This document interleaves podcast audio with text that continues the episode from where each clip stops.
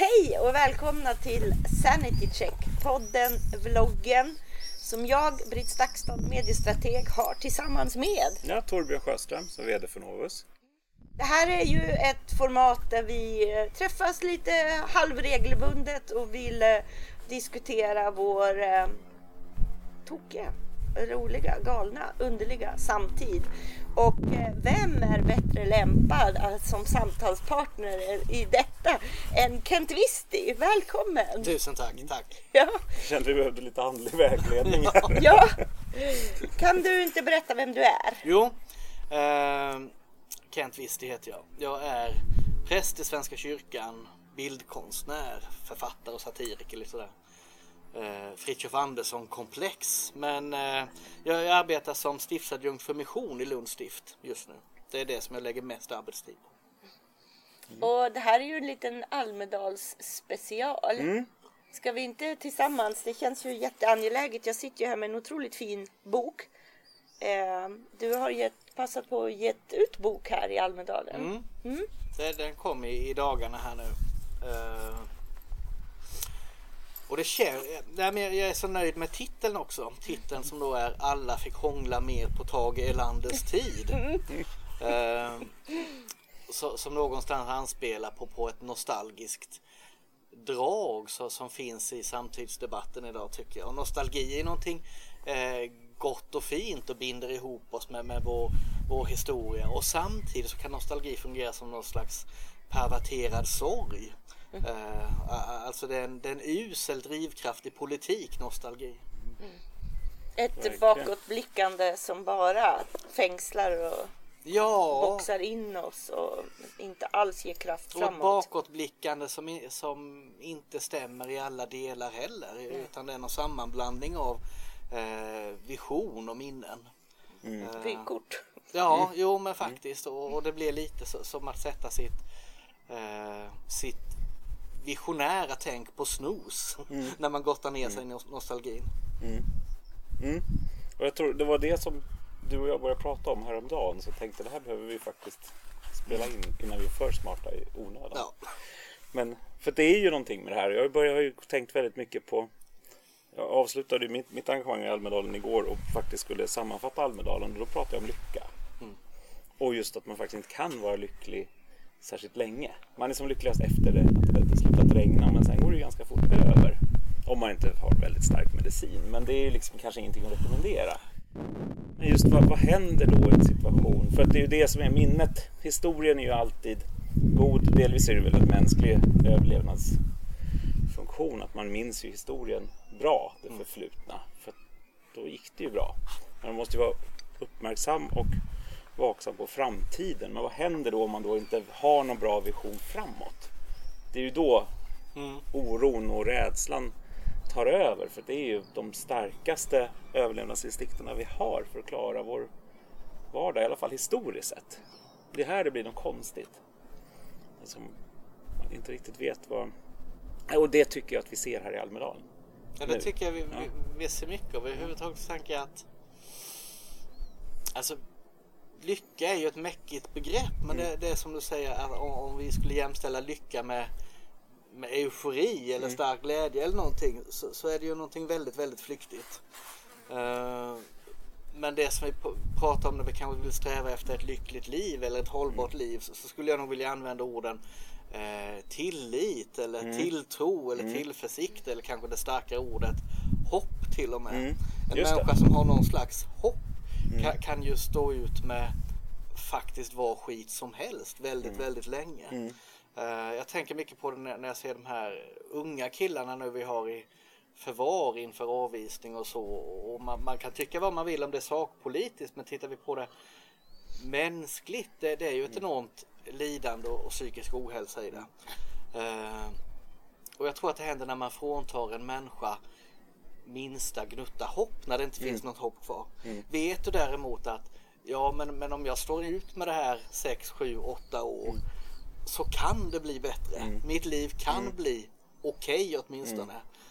Då är en människa kapabel att stå ut med väldigt, väldigt mycket. Precis. Och det, och det, det, det jag vi ser nu. Men och det kanske, vi, har gjort lite, vi gjorde faktiskt en undersökning för Järvaveckan om, om på det här så kallade utanförskapsområden. Och där har man en större tilltro till framtiden än vad vi i gemene man har. Och det är och för sig inte så himla konstigt när man tänker på det. För där har man gått från någonting värre och känner att men jag håller på att bygga mitt liv nu och jag har en framtid. Sen kanske inte drömmen om en stor fin villa men det är drömmen om ett bättre liv. Och det är det är där vi också ser vändningarna nu med framförallt medelålders män. Mm. Sådana som du och jag. Ja. Fast som, som har, kanske inte har det här hoppet längre. Även om det, det är på en ilandsproblemsnivå så har man snarare börjat bara se problemen. Man vet inte vart man är på väg. Man känner sig inte riktigt hemma. Man är rädd för den. Liksom. Man, man, man tycker både att man... Eh, det är väl, är, är, vad är det du säger? Genusstress? Eller vad är det för begrepp du använder? Ja, genusyrsel har jag använt. Genusyrsel, ja. precis. Alltså de här perspektiven. Det finns så mycket som, som man upplever som oroande från mm. att ha varit i, någon, i en tydligare maktposition. Och, mm. och det har varit lättare att se på hur, hur framtiden ska se ut. Och så har vi digitaliseringen och, och hela mångfalden. Allt det här är skrämmande aspekter mm. för vissa. Mm. Ja, förlåt. Ja, för, för det finns få, få, få saker som gör människor så ängsliga och oroliga som, som privilegierade människor som är på väg att mista sina mm. privilegier. Mm. Uh, och det tror jag också vi ser lite i den, den svenska medelklassen. Vi, vi pratar om vita män och sådär. Eh, och, och, det handlar ju inte om att vi håller på att bli utmanövrerade men, men det handlar om att vi, vi, är liksom mitt inne i en ganska långsam samhällsomveckling där vi lämnar ett enhetssamhälle eh, och, och, de stora gemensamma berättelserna då. Men, men där just medelklassen och, och den vita mannen någonstans stod överst i, i the food chain. Mm. Eh, och så kommer ju inte samhället att se ut framöver. Och det är klart att det skapar en oro och en ängslighet. Mm. Ja men det gör det för att det behöver ju också vara och det kan ju vara så att man det kan ju vara makt som, som ni säger men, men, men det är ju också då just att man, man vi har fått en så svartvit beskrivning av samhället också som gör att man själv har, alltså de flesta har nu hamnat i en situation där de inte så jätteoroliga för sin egen situation men det är mer för att man har haft tur än att man har haft skicklighet. Eller som gör att man faktiskt inte har råkat ut för det här. Och om det bara är turen det står och faller på, det är då den här ängsligheten kommer också. Mm. För att vi har en sån stor perspektivlöshet nu i samhället. Man inte riktigt vet vad, vad som är orsak och verkan och sen saknas då det här tydliga visionerna för vart ska vi vidare som ett samhälle. Utan det är ett reaktivt offentligt samhälle vi just nu lever i. Och det är då det här hoppet snarare ersätts av rädsla och oro. Och då blir det inte bra. Och en rädsla och oro som för många misstas av hopp. Det blir någon slags ja, substitut. Ja, men precis. Vi kanske kan överleva. Ja, nej, men för jag, jag stod och hörde på den här Nordiska motståndsrörelsen på ett av deras torgmöten mm. där de, de beskrev sin, eh, sin politik och de pratade om den här nordiska staten som ja. de pratade om framöver som skulle komma och de beskrev hur den skulle vara och sådär. Och det är ju alldeles för jävligt. Mm. Men det är trots allt en vision. Mm. Ja, ja, precis. Ja. Precis. Uh. Exakt. Största problemet är att den inte utgår från nutiden. Utan det utgår från en förvanskad bild av vad vi är idag. Ja. Vilket gör det ju så otroligt förrädiskt också. Att man börjar man, man utgår från en mycket mer svart, svartmålad bild av samhället förstärker de här klyftorna och egentligen allt, det finns ju små triggers hela tiden kring det minsta mm. lilla nyhetsinslag så får vi en förstärkning av den här dystopiska nutiden vi har. Och den fatalistiska framtidssynen också. Vi styr inte längre.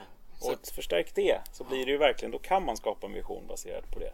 Sen verkar det li ligga någonting väldigt eh, nära människan det här med, med, med, tanken på apokalypsen och att mm. vår generation lever i den yttersta tiden. Ja. I stort sett hela bibeln och de flesta religiösa urkunder bygger på det. Mm. Alltså hela plotten i gamla testamentet är att nu är yttersta tiden. Nu kommer Gud och förstör den här stan och det är ert fel.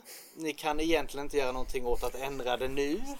Men eh, om ni klär er i säck och aska så kanske, kanske, kanske men egentligen inte. Och så kommer det Eh, och sen så, så låter Gud bli det i sin kärleksfulla nåd då, Mm. oftast.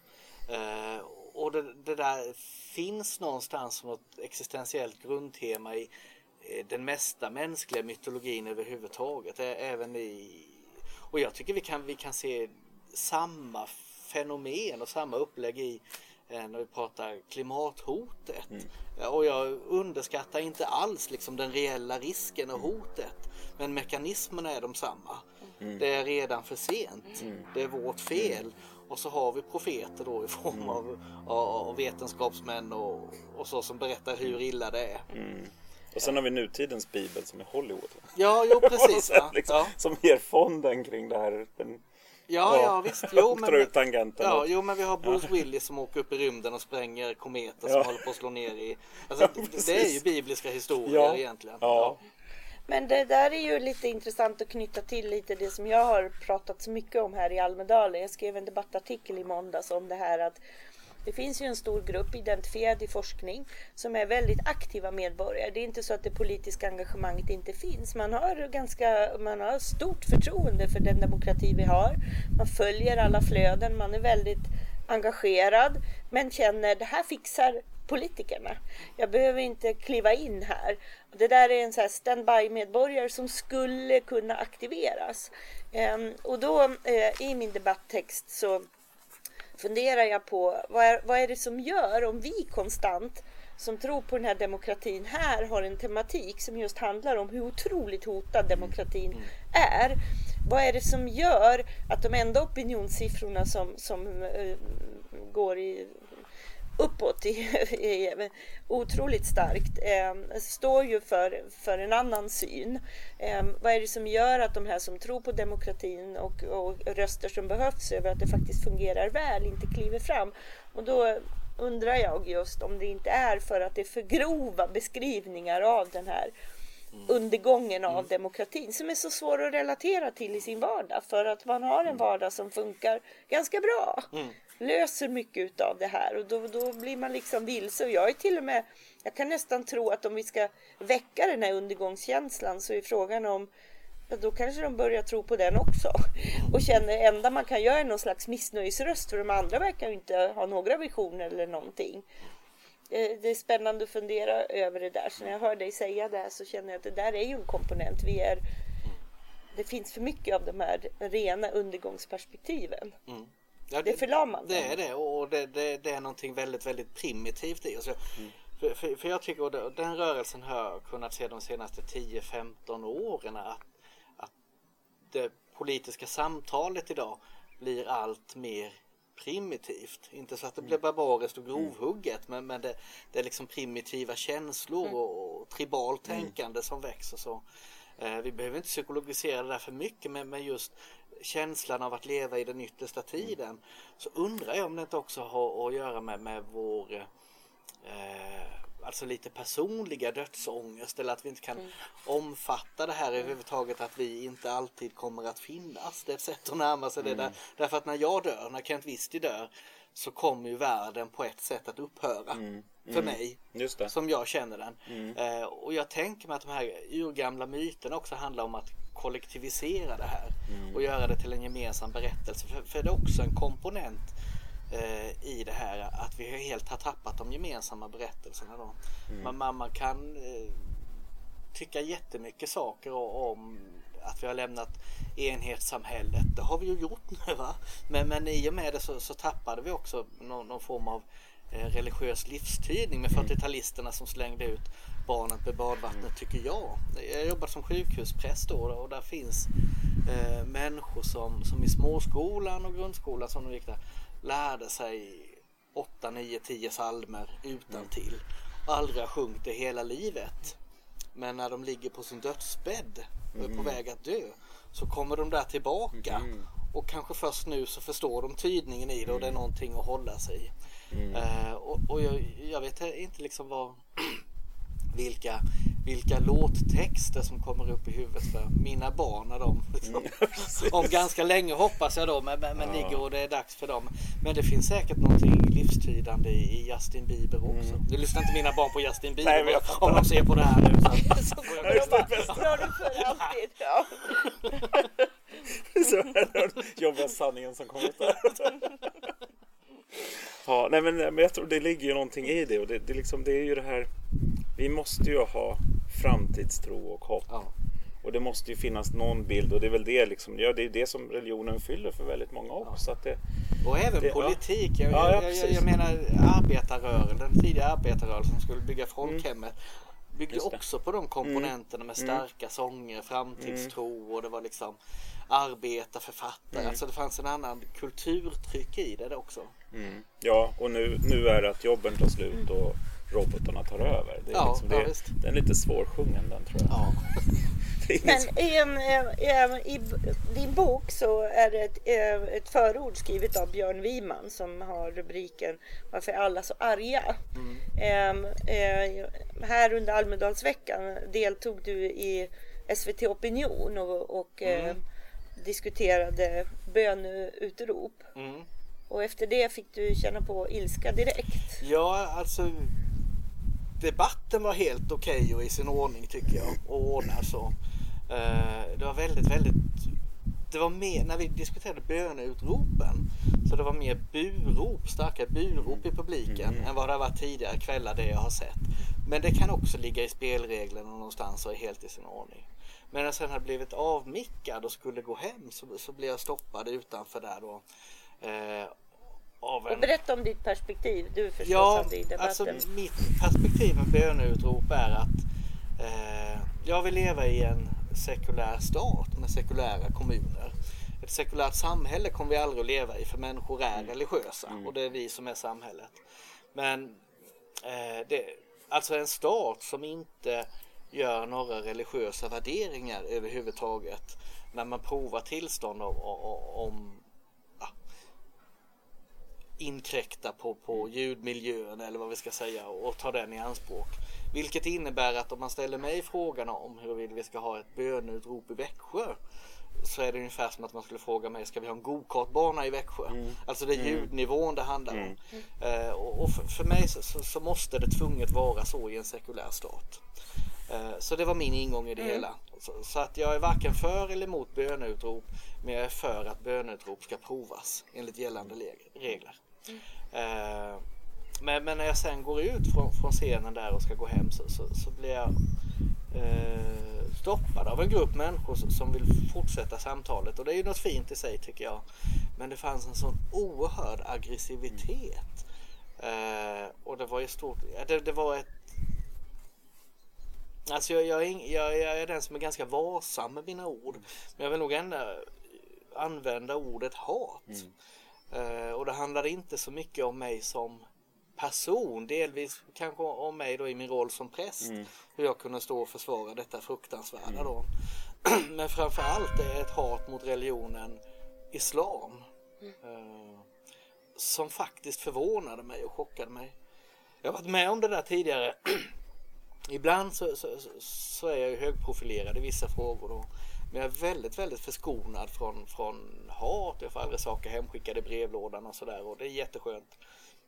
Men det är just när jag har pratat om islam. Inte andra religionsmöten eller andra samhällsgrupper som, som vi måste på något sätt hi- hitta sätt att leva tillsammans i det här samhället. Men, men just islam så är det någonting som bränner till och, och som direkt kantrar över till just det här primitiva som vi pratade om innan. Eh, ja, det, det var faktiskt en ganska otäck upplevelse. Jag förstår det. Och det, det är ju någonting med det där att Alltså det, det som är så lätt att glömma också. De flesta bryr sig inte mer än det man ser i tidningarna. Om, om de flesta frågorna.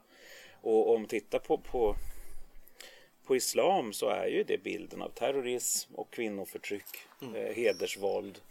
Eh, och och det är väl liksom de- den, den mekanismen i det här som, som man har så svårt att kanske kunna köpa är att det egentligen är så att vi kommer inte som allmänhet och alltså kristna i Sverige bry oss om att läsa på mer utan vi tror att det, den bilden som vi ser i media är den bilden det är. Mm. Och det som sen förstärker det är ju då när företrädare för den religionen inte går ut och tar avstånd från det den, den, typen av agerande, då blir det en tyst accept över att det är så.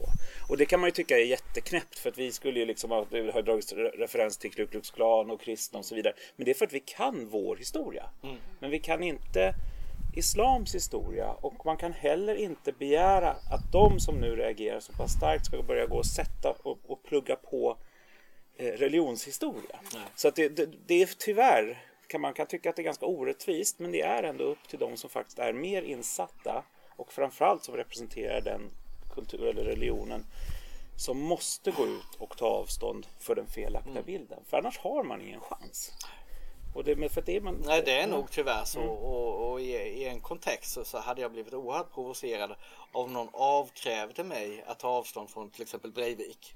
Ja, men, ja, ja jag vet, ja, jag förstår så. det. Men, ja. men, men, men, man kanske inte alltid har råd med det. Men, men, men, det kräver också att det finns en mottagare som är villig att lyssna mm. och vilja mm. fördjupa sig. Exakt. Och där, är, där har det gått så pass långt ja. nu. För det har pågått år ut och år in och vi har haft terrorattentat i Sverige. Det har varit konstiga eh, domslut som, som, som stärker den här bilden. Jag tror att det är många som faktiskt på riktigt börjar bli oroliga för att vi håller på att ske en islamisering i det offentliga rummet. Mm. Alltså att lagar inte gäller på samma sätt och så vidare. Och det, det skapar, det är någon väldigt, väldigt djupt rotad rädsla som man tror, jag tror man ser. Och rädsla är ju oftast baserad på en okunskap. Mm. Men, för, men och jag, det är, nu är det en jättelång väg att gå för att, för att kunna... För, för att man har, för, man har försökt ignorera det här så pass länge. För tecknen har ju funnits, hur många år är det? Sex, sju, åtta, där det verkligen har liksom trappats upp. Ja. Man ska inte prata om det. Man ska inte försöka. För att de som blir rädda är dumma. Och det här är också kanske en, en ganska genomgående sak. Att oroliga människor agerar, alltså behandlas som mer eller mindre lägre stående. Mm. Men det är just ja. för att man möter den här hatreaktionerna. Det blir väldigt svårt ja, att Ja exakt men den punkten kan man inte göra mycket. Nej, nej. och därför där mm. fann, det fanns mm. liksom ingen nej. öppning för ett samtal där. Nej, nej, nej. nej. och det är ju inte där. Nej. Mm. Utan det är ju när man tittar på kollektiven och, och diskussioner, alltså egentligen den, den offentliga diskussionen som inte är mm. en gränd i Almedalen. Ja. ganska sent, ganska dåligt. Ja. Vänta, vi kan prata om det här. Gå in på den här sidan först ska du se här. Men, nej, men, men liksom mer hur man pratar kring kring eh, rädda människor i kollektiv som faktiskt har, uttrycker sin rädsla genom att och, och agera på olika sätt. Att det sämsta man kan göra med alltså om man nu tycker att någon inte förstår vad man säger, att kalla den människan idiot är väl det bästa sättet att distansera sig mot, eller den gruppen. Men det, är, ju svårt när man troligtvis har kallats idiot själv först. Alltså, ja, men då menar jag fortfarande blir... inte i det här samtalet. Nej, nej, jag menar, nej, jag, alltså... nej, men jag menar när man, man klumpar ihop liksom, ja. framförallt kanske att alla SD-väljare är rasister och idioter. Mm. Etiketteringen ja, är ju jätteproblematisk. Istället för att kanske gå till botten med vad är det för egentligen punkter som är kärnan till den här oron. Mm. Varför saknas liksom, varför tror man att det här landet går åt helvete i väldigt hög hastighet? Och då måste man börja med de signaler, alltså de sakerna. Man kan inte ignorera, man kan inte, man kan inte bara avfärda någons rädsla och oro med att de är idioter. Nej. Om man nu vill ha ett sansat och ett, ett civiliserat samhälle. Och det är där vi faktiskt har gått fel i det offentliga rummet. Och det menar jag liksom kulturdebatter ja. och liksom, det är inte det här, inte nej, den. Nej. För den går inte att hantera. Där, där är bara dumt. Man, man, man ska ju inte sätta sig själv på... Och sen är just det här i ett större sammanhang också som försvårar det, är ju att vi lever i en orolig tid globalt. Mm. Alltså vi mm. ser mm. starka polariseringar. Exakt. Det är enormt spänt läge mm. över hela världen. Mm. Eh, och jag är fullständigt övertygad om att hade det inte varit muslimerna som grupp som svartmålades mm. främst idag då så hade vi haft en annan grupp.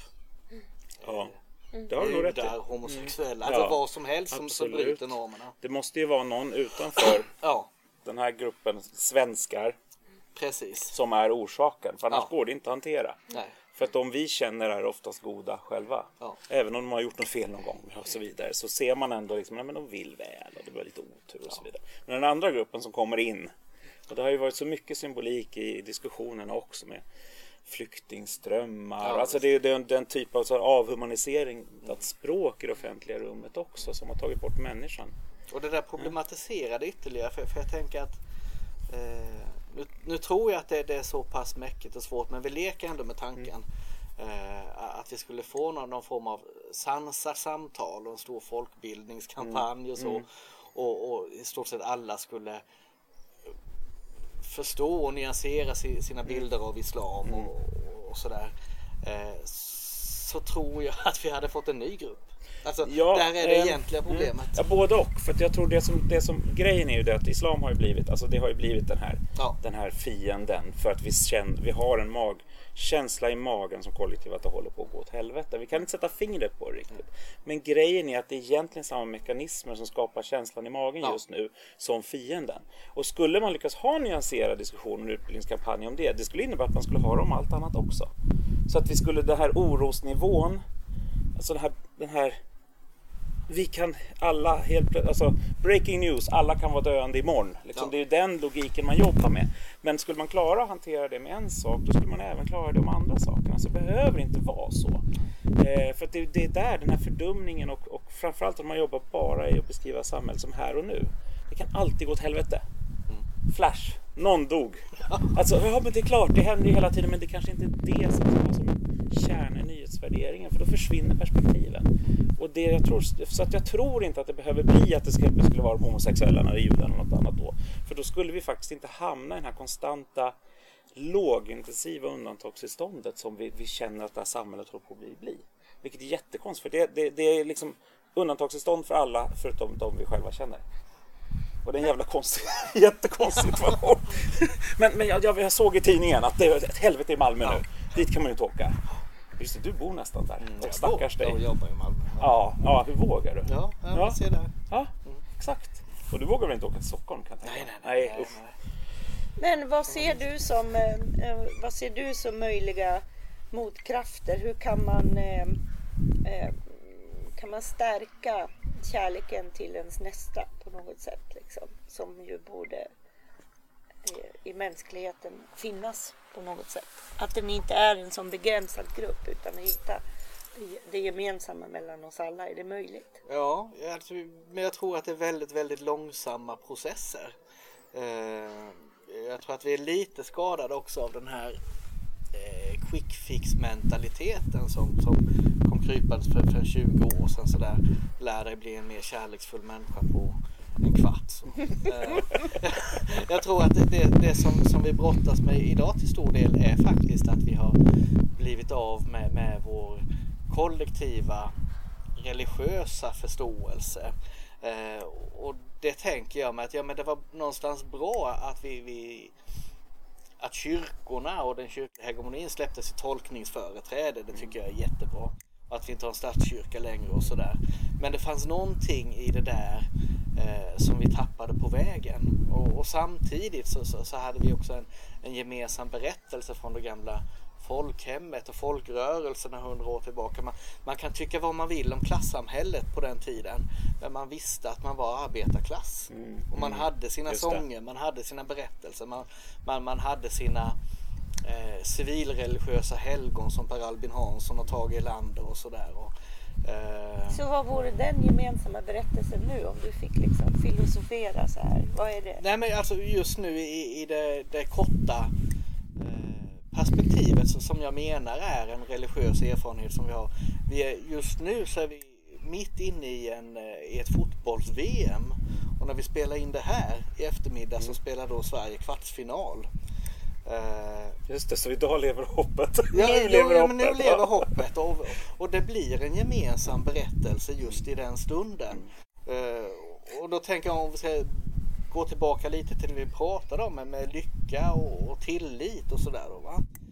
Så den eufori vi upplever och det här kraftiga nu, nu när vi ändå samlas som nation. Mm. Och här märker jag hos människor att det, det finns fåtalet som, som tittar snett på en eh, på en människa med, med blågul mm. tröja idag Just fast med en annan pigmentering. Alltså det köper ja. vi, vi äter samma. Eh, och, och, det där skulle man ju önska sig skulle kunna lägga sig som en skön underton. Mm. Alltså hela tiden. Någon form av konstant VM-yra. Mm. Men det slog mig nu att romarna jobbar med gladiatorspel. Ja, de kanske kast, blir lite kastar de kristna till lejonen. Ja. Det kanske blev fel där. Ja, nej, nej, nej, men- jag, jag tror på, på att söka de gemensamma berättelserna.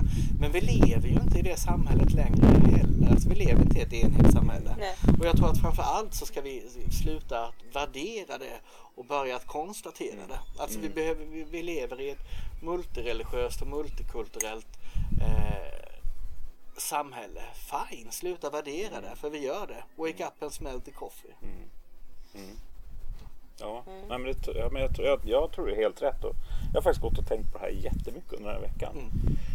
Och, och, och, och den andra då dimensionen som också hänger ihop med det här att det faktiskt krävs någon form av profet också. Ja. Någon som, någon, men i dagsläget skulle det väl vara en stark politisk ledare egentligen. Säga, men jag har en vision. Jag vill att vi ska hit. Ja.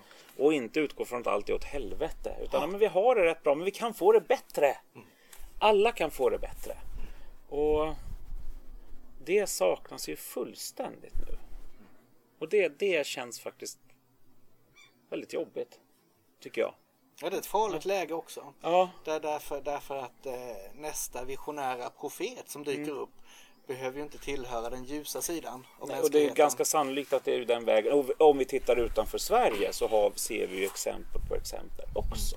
Där, där, där det faktiskt är exakt åt det hållet. Och, och, och där jag har hittat på något sätt den minsta gemensamma nämnaren är faktiskt den vä- västerländska mediekrisen. Eh, som ju gör att man har jobbat så mycket med den här, alltså i jakten på klick och sin egen överlevnad i alla fall enligt deras egna upplevelser så har man då skapat någonting som gör att det krävs någon som bara måste dra i nödbromsen innan vi alla dör. Mm. Det är, och, och, och, så att det, här, det finns ett samspel där. Som det här har inte hänt i ett vakuum. Utan det är domedagsprofetiorna har kommer varenda sekund. Om man inte stänger av flashen på telefonen. Eh, och, och, så att det blir ett, ett negativt samspel mellan politik och verklighetsbeskrivningen som har pågått ganska länge nu. Och det måste vändas. Båda måste stanna upp och vända det här. Både politik och, och media. Men jag, jag måste säga att jag... Och det kanske låter uppgivet men, men, men för mig är det snarare peptalk än deptalk. Men, men eh, jag ser inget egentligt slut på det här. Alltså jag tror att vi går in i en period av 50-60 år kanske ganska eh, bistra tider. Alltså nästan neofascistiska tider.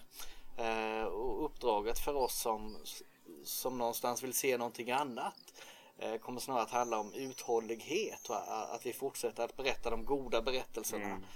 Eh, Att vi fortsätter slåss för att göra kunskap fantastiskt igen. Mm. Eh, Jo, men, jo, men ja. Jag tror ju att det går att vända ganska fort. Men det är väl där liksom Ja. den här... Ganska fort kanske är varje dag, tio års tid, Mm. dygnet runt. Men, men att det faktiskt, det, det finns ingenting som...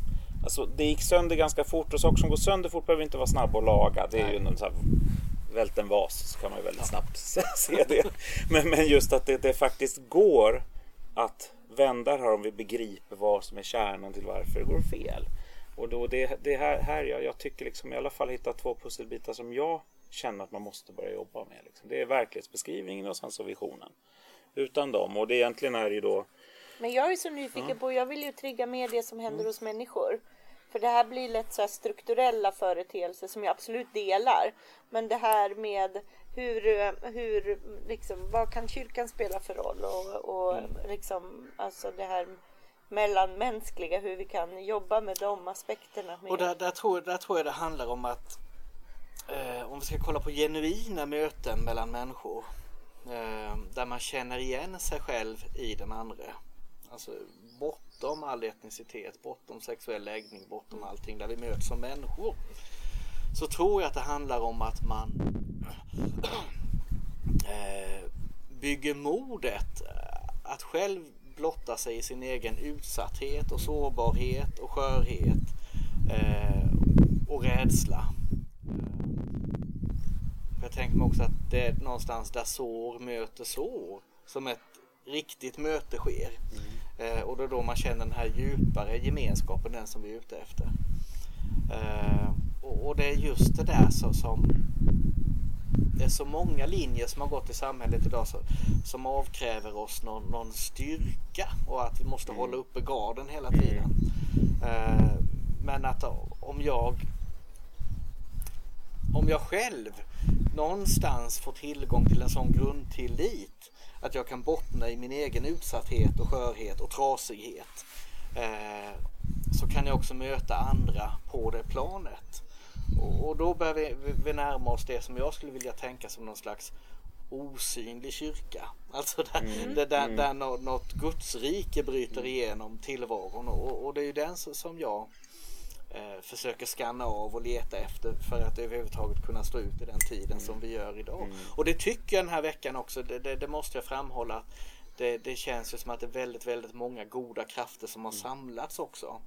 Eh, det, det, lika mycket oro och ängslighet som har funnits här så har det funnits eh, goda krafter och även liksom, nej men nu tar vi tag i det här. Nu ska vi mm. hitta en lösning på det här. Mm. Men den osynliga kyrkan är en, det, det, är en bild man kan klä med mycket av det här kittet som behövs. Ja, mm. och den tänker jag mig också sträcka sig utanför alla våra samfundsgränser ja, och religionsgränser och ja. eh, allting. Alltså den osynliga kyrkan som är ett mysterium som, som nästan bara mm. drabbar oss. Eh, men som vi måste ha ett mod för att, att kunna gå in i. De här genuina mötena mm. människor emellan. Men eh, om du ser den här svåra perioden på, det är ju hisnande perspektiv att se. För det är, jag tycker nog ändå att den känslan är väldigt stark här också. Att det, eh, det, det, vi kommer se mycket saker vi inte trodde var möjligt för tio mm. år sedan eller så. Mm. Jag minns eh, Alltså det har gått steg för steg också på en internationell arena men det ligger så snubblande nära. Och jag minns när jag ganska nyligen, min son är eh, 22 år och eh, jag var, vi var tillsammans och såg eh, Sigge och Alex eh, på deras liveföreställning i något sammanhang. Och då flashar just min telefon till och så får man se ännu ett av Donald Trumps utspel. Precis, jag var ganska precis efter att han hade tillträtt och då var det ju just att man skulle eh, exponera eh, immigranter som hade begått brott. Eh, och då, alltså jag, då började tårarna rinna mm. hos mig för det passerade en gräns för sånt som finns referenser till i historien som just i relation till min son jag inte trodde han skulle uppleva.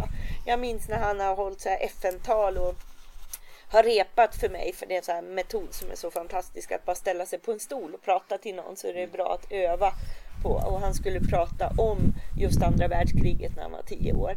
Och det var den bilden jag såg framför mig. När han stod där på stolen så var det ju fantastiskt och det var starkt. Men man kände bara vad bra att vi pratar om det här, det kommer inte hända oss. Och när den flashen kom då såg jag den händelsen 12 år tidigare. Och att han, jag, jag tänkte liksom hur kommer hans liv framåt se ut? Det var väldigt tungt att bära. Och så har man försökt jobba vidare och så, men den tanken har funnits. Och när jag hör dig nu så eh, Ja, jag, även om jag just nu kanske tror att en tioårsperiod så kan det ju finnas det här, den här neofascistiska 40-50-årsperioden du beskriver. Men eh, hur ser du då på en, en av de första instanserna, alla fria arenor för åsiktsutbyten kommer ju angripas och kyrkan är ju definitivt en sån mm, Som arena. redan är under angrepp. Exakt mm. så. Så hur ser du på det här? Nej, alltså jag tänker mig att det som ska mobiliseras nu så är det framförallt hopp. Mm. Det är det starkaste ordet. Mm. Och, och, det är för hela samhället, för alla människor. Mm. Alltså människor som inte känner hopp är livsfarliga. Mm. Då blir vi primitiva djur mm. direkt så, mm. när vi fråntas allt hopp. Så att hela tiden stå i uthålligheten, att hela tiden ingjuta hopp då kan vi till och med kanske stå ut med 50-60 år neofascistiskt samhälle mm. om vi vet att ja fast det här är övergående. En dag blir det dag igen, en dag kommer gryningen. Nu blev jag väldigt visionär i mitt tal om gryningen och morgonrodnaden ja, och sådär. Ja, Nej, men jag, jag tror, ja. Eh, så, är det hoppet jag vill slå ett slag för. Mm. Kan vi inte grotta lite i en av dina metoder i det hela som satiriker? Ja. Vad har satiren för roll i, i ett sånt skede som vi befinner oss i nu? Alltså jag började, och där ska jag vara lite självkritisk, jag har aldrig haft någon tanke egentligen att bli satiriker. Utan det var bara liksom en slump att jag hade två appar i telefonen som jag satte ihop eh, text och bilder och delade för mina kompisar bara på Facebook och så.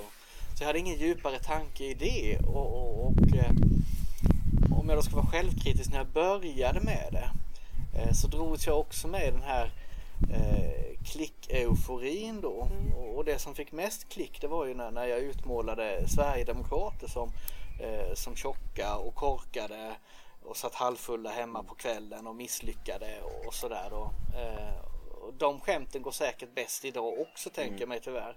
Eh, sen har jag fått efterhand börja reflektera mer över det och det jag vill idag. Eh, och, och, och det skulle jag vilja Alltså sällan har, har ju satiren eh, behövt ta ett stor, så stort ansvar som man gör idag menar jag med, med framförallt när fake news har kommit in och spelat på den här arenan mellan liksom lek och verklighet och så. Det har ju varit, satiren har fått leka där och man har vetat spelreglerna. Eh, men jag skulle vilja, satiren idag måste jobba med, med större eftertänksamhet. Eh, man måste arbeta lågeffektivt och framför allt så måste man eh, arbeta med spegeln vänd mot sig själv. Eh, det tror jag är den långsamma vägen framåt men den enda egentligen hållbara. Så det jag vill det, det, det är ju att titta på mig själv med mina föreställningar i den privilegierade ställning jag har i samhället idag. Och, och, och avslöja mina egna feltänk, min egen rädsla. Eh, och faktiskt inte då fyllas av självförakt utan kunna skratta åt den och omsluta den med någon slags ömhet. Eh, och det tror jag att vi, vi alla måste göra det vägen framåt, att se vår egen otillräcklighet i samhället och, och liksom att vi faktiskt också är en del av det här. Det, det är ju så att när Sverigedemokraterna får 20 procent i samhället och Sverigedemokraterna växer så är det ju så att 20 procent av mig blir ju också Sverigedemokrat. Alltså, den sidan av politiken ser jag mer som ganska eh, primitiv och känslodriven i rädslor och så. Som jag ju också har som människa. Och när samhället dras ditåt så, så, så följer ju jag med. Eh, så sa- satirens roll som jag ser den idag är, är faktiskt att avslöja de här rädslorna. Eh, och att någonstans göra dem lite ofarliga. I det att vi kan skratta åt dem. Och skratta åt oss själva framförallt. Ja. Mm. Jättefin motor i den utvecklingen. Eh, det känns som en otroligt viktig pusselbit och eh, jätteintressant med reflektionen kopplat till fake news. Hur det ruckar den där spelplanen verkligen.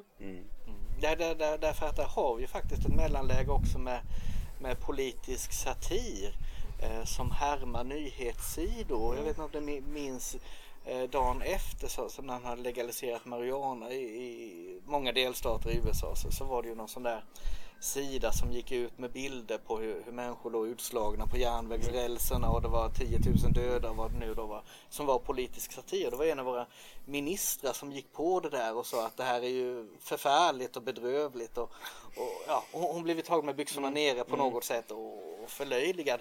Men det är inte så lätt det där om vi hela tiden ska avkrävas vad är på riktigt och inte på riktigt. Och det här var ju tydlig satir men skalan har ju blivit så glidande idag och det kan jag ju se också när jag lägger ut, även om det är tecknade gubbar eh, och det är liksom inga, inga namngivna människor, mina gubbar liknar ingenting.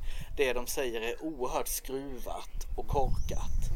Så möts jag ju fortfarande ibland av frågorna liksom, har de verkligen sagt så? Eller när sa de det? Har du källa på det här? Och så, så att den där skalan med, med, mellan sanning och, och lögn är ju så flytande idag och det är farligt. Ja, det, Det är jättefarligt. ja, Och det ställer stora krav på satiren. ja verkligen. Mm. Det kanske är bra avslutsord. Nu har vi typ pratat en timme tror jag. Så. Ja. Men stort tack. ja Det tusen här var tack. jättebra. Det var Det var en perfekt avslutning för både din och min Almedalsvecka Ja. tror jag. Du Ja. får ju sitta kvar här någon dag till va, tror jag. På Ja. en, Ja. Eller två. Nej, jättefint. Stort tack. Ehm, Tack för att jag fick sitta här med er. Tack för kaffet. Ja. tack. tack och hej. Hej hej.